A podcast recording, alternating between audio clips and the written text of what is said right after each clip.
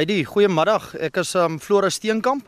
Ek is werksaam by De Tooi Agri en ons is in die koue Bokkeveld. Ons verbou appels, pere, nektarines, kersies en um ons het 'n groot groenteafdeling wat ons um aardappels en eie verbou. Heidi, baie welkom. Dit is lekker om julle hier te hê. Dis 'n pragtige dag in die koue Bokkeveld. Ek gaan gou vir julle 'n bietjie verduidelik oor 'n appelplukkery, hoe ons die appels kry van die boord af tot by die verbruiker. Mense dink appels is sommer net simpel goedjies. Maar dis hoekom wat ek jou nou wil vra Floris. Ek het nou gekyk hoe jy vir iemand anders wys hoe 'n mens 'n appel moet pluk. En wie, daar's soveel goed wat jy gewys het wat ek gedink het. Jy sê ek kan nie glo ek het eers daaraan gedink nie. 'n Appel wat jy moet verkoop mag nie kneus nie. Ek het gehoor jy sê die woord dat hy nie moet kneus nie of die sin 'n paar keer. Wat s'ie ding met die kneus? Heidi, 'n appel in 'n boom is 'n volmaakte vrug. Hy's rond, hy's mooi, sommige is groen, ander is rooi en ja, appels kneus as 'n mens om kneus. Ons boer in God se skepping, dis 'n mooi ehm um, natuur waar ons boer. 'n Appelboom praat met jou. 'n Appelboom oh. sê vir jou wat hy wil hê, wanneer hy dit wil hê en hoe hy dit wil hê. So As ons by die appelpluk uitkom, die fisiese pluk van 'n appel, 'n appel moet jy versigtig mee werk. Jy kan nie 'n appel in 'n pluksak soos wat ons gewoontes praat van 'n pluksak. Jy gooi nie 'n appel in 'n pluksak nie.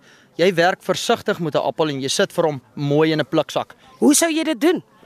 Heidi, as 'n mens by 'n appelboom kom staan, dan pluk jy 'n boom van buite af binne toe, met ander woorde van die punt sit of die tak se punt af na die stam toe en jy pluk hom van onder af op sodat jy nie die appels deur die boom laat val as jy per ongeluk een laat val nie. En jy hou twee hande as jy appels pluk. Jy het 'n stophand as daar twee appels bymekaar sit, dan pluk jy die een appel, hou jy jou hand onder die appels en jy pluk hom van onderaf op dat die appel nie seer kry nie. Jou hand is altyd in die agterkant van die tak sodat hy nie 'n besering kry nie. Jy sit vir 'n appel baie saggies binne in 'n pluksak met jou hand in die onderkant. Jy rol die appel in die pluksak uit. Anders kneuse appel. En die verbruiker wil mos nie 'n gekneusde appel hê nie. Ons hmm. kneus nie appels nie. So as ons aan die pluk raak, dan pluk ons opdraand. Die appel trek jy op of jy druk hom op dat sy stingeltjie aanbly want hy moet 'n stingel hê sodat hy kan groen bly. En dan sit jy hom saggies binne in die pluksak. Sy moet die stingel aan hê. Verkieslik ja, want as jy 'n stingel laat uitgaan, is daar mos nou 'n moontlikheid in die binnekant van die appel dat hy 'n besering het. So as die stingeltjie uitgetrek word, soos ek nou vir jou wys hier, dan kan hy stikkend wees in die binnekant en dan raak die appel vrot of soos ons praat van progressief. Jy wil nie 'n vrot appel op die rak sit vir die verbruiker nie. As jy net die appels pluk Okay, jy sien nou daar's 'n gaatjie in. Mens kan nie dit noodwendig so vinnig sien nie, maar jy het al 'n oog, nê? Jy weet presies. Het jy nou 'n ding waar jy dit na 'n apart ding gooi? Appels wat nou nie meer so lekker lyk nie of gooi jy hom sommer net hier en dit is sommer nou bemesting of kompos. nee, hy jy kan per ongeluk nie die appels op die grond gooi nie, want as jy hulle op die grond gooi, dan lok jy vrugtevlee en allerlei snaakse goggetjies wat ons nie in die boorde wil hê nie. Die appels wat beseringkies op het of dan nou sonbrand of merke op het, hulle word by die kratstelle deur uitsoekers uitgehaal en dit gaan na ons sapfabrieke toe onder op Ceres waar dit verwerk word vir sap en vir puree. So ja, ons gaan al die appels gaan af Ceres toe want jy kry nog steeds geld vir 'n uh, beskadigde appel. Dit word mos 'n sapappel. Ons gaan nie ons topvrugte vir sap lewer nie want jy wil 'n beskadigde vrug vir sap gee.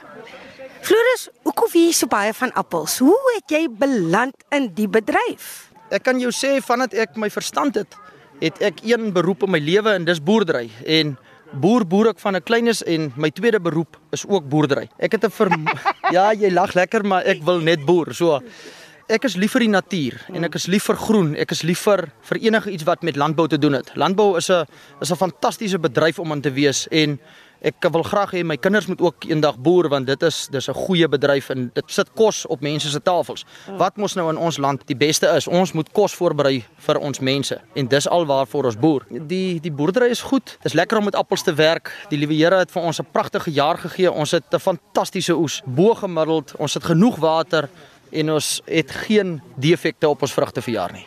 Ek wil baie graag weet oor die verskillende of nou, noem mens dit variante. Wat julle alles hier het, hoe weet jy wat is wat? Hoe werk daai hele storie? Ek weet mense moet nie appels met pere vergelyk nie. Hoe vergelyk 'n mens appels met appels? Ja, dit is nogal ehm, 'n um, interessante vraag want ons Suid-Afrikaners of die gemiddelde Suid-Afrikaner weet van 'n rooi appel, 'n groen appel en kom ons sê nou maar 'n geel appel. Maar binnekant die rooi appel is daar mos verskillende kultivars of soos jy nou sê variante. Ons plant appels op spesifieke gronde op spesifieke onderstamme met spesifieke redes. So jy kry groen appels wat soos jou um ou tradisionele Granny Smiths is. Jy het rooi appels, jou top reds, jou stakings wat nou nie meer so verskriklike goeie kloon is nie. Ons plant nuwe kultivars. Um ons staan nou in 'n Fuji boord, dis 'n Aztec boord. Um ons probeer om al hierdie vrugte uit te voer. Dis 'n baie baie lekker soet appel waarvan die Suid-Afrikaanse verbruiker hou. Hy's 'n rooi appel vir my wat nou 'n leek is. Vir jou is hy, jy gaan onmiddellik kan sien wat is wat. Ja, ons wat nou in die, in die boerdery van die appelbedryf is, ons weet nou al watter appel hoe hy lyk en hoe hy smaak. Dit jy sê dis 'n rooi appel. Ja, hulle lyk vir jou rooi. Tradisioneel is hulle 'n bietjie meer 'n valer appel, soos daardie wat in die Ah. in die binnekant van die bome sit. Maar hierdie Fuji's is vir jaar besonder rooi. Ons het 'n fantastiese klimaat vir jaar. So ja, ons is baie dankbaar en baie bevoorreg vir vir 'n fantastiese jaar. 'n Vraag wat ek graag wil wil vra is, hoe hoe sien 'n mens om na 'n appelboom? Dit klink nou maar vir jou soos 'n poppehuisie vraag, 'n vraag van 'n leek. Maar dit is tog vir my interessant. Ek het gevra pad hiernatoe vir iemand, vir my man eintlik. Hoekom het mense nie appelbome op hulle werwe nie, by hulle huise nie, in hulle tuine nie. Gewoonlik het mense suurlemoenbome, lemoenbome. Ek sien baie min appelbome. Wat is die storie? Dit moet seker moeilik wees om 'n appelboom aan die gang te hou. Ja, dit is 'n wetenskaplike proses waarmee ons besig is, 'n appelboerdery. Appel um, produksie begin natuurlik lank voordat jy die fisies die boom geplant het in die grond. Jy moet eers sorg dat jou grond voorbereidingsreg is, jou grond se regstellings moet reggemaak word en dan begin jy beplan hoe jy 'n boord gaan vestig. Wat jou rywytes is, jou plantspasierings, jou ryrigtings en watter kultivar natuurlik jy gaan plant op watter stuk grond. Dan is ons in 'n baie goeie vennootskap met jou kweker. Jy moet seker maak jy plant die regte boom, die regte grootte boom en dan begin jou jou kwekery werk doen. Dan moet jy sorg as jou boontjie in die grond is dat hy so vinnig as moontlik die regte kos en water kry, die regte hoeveelhede sodat jy 'n goeie produk so vinnig as moontlik kan produseer vir die verbruiker want appelboerdery is 'n baie hoë koste-intensiewe besigheid. Ja, dit is miskien hoekom hoekom mense nie in hulle tuine so graag appels plant nie. 'n Suurlemoenboom volgens my, ek kan verkeerd wees, maar ek dink is 'n baie makliker boom om mee te boer as wat 'n appel is. Kom ons kom ons sê nou ek is, het min kennis van die sitrusbedryf, so ek kan my nie heeltemal uitlaat daaroor nie, maar 'n appel appelboerdery het baie werk en hy's baie intensief. OK, ek wil baie graag met jou gesels Floris.